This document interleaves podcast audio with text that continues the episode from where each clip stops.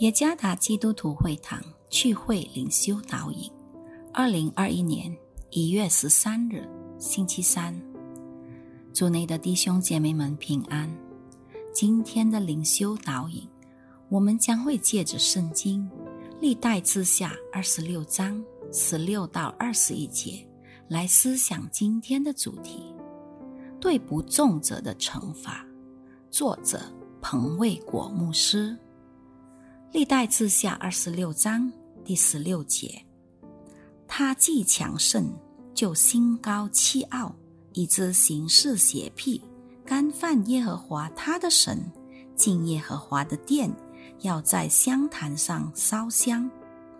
祭司亚撒利亚率领耶和华勇敢的祭司八十人跟随他进去，他们就阻挡乌西亚王，对他说。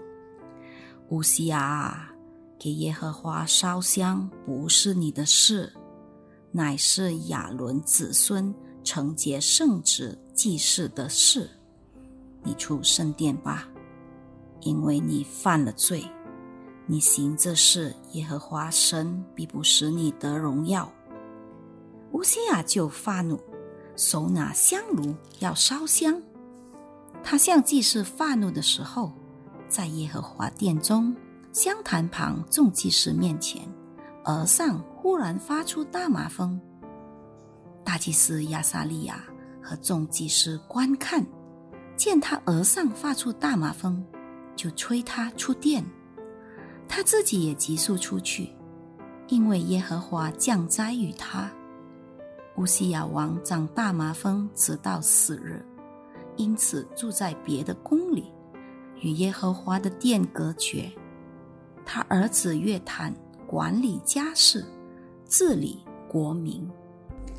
概念、原则与某一个人的信念，将会在其生活过程中具有影响的因素。有人的生活只是开始时过得很好、很成功，然而到了生命的尾端时，生活便不守规则了。今天我们要从乌西亚王的经历上学习，盼望能得着智慧，并不重犯乌西亚的错误。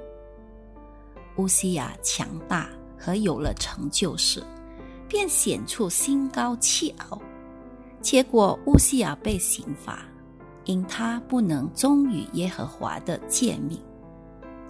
乌西亚的遭遇非常讽刺性。他从登基开始，直到生命的一半，都是活得很成功。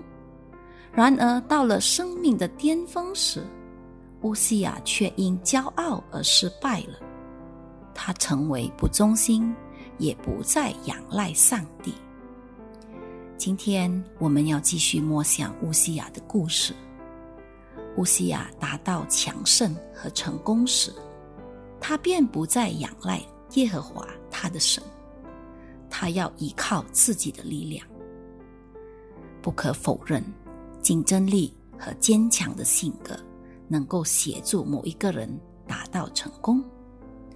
可是，单靠良好的品格和忠诚，如何能保持在成功巅峰的稳固呢？乌西亚在撒加利亚的辅导下，他上寻求神和敬畏神。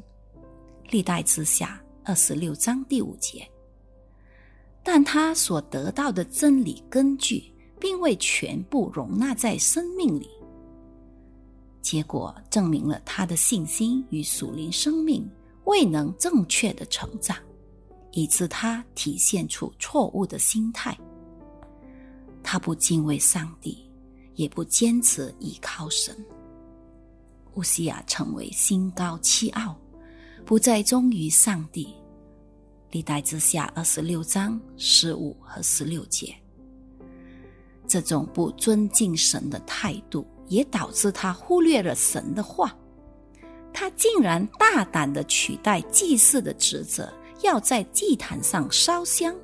第十六节，面对这种傲慢的态度，众祭司们便阻挡和斥责他。追根究底之下，原因便是他不忠于神，也不敬畏神。后果，乌西亚必须承受刑罚，长大麻风。你在这一段日子里，生命又显得如何呢？倘若你犯了错误，得到主仆劝告或责备，请问你将如何回应？正确的回应即是接受和心存感恩。让我们学习感恩，并从过犯中悔改，如此我们便能得免从神而来的惩罚或严肃纪律的管教。要记得，神并不向犯罪的行动妥协。尤其是故意的抵抗、抵抗他，所以我们要恳求主的引领，并活处和他心意的行动。对主不忠心，引起生命的骄傲，也带来神的刑罚。愿上帝赐福于大家。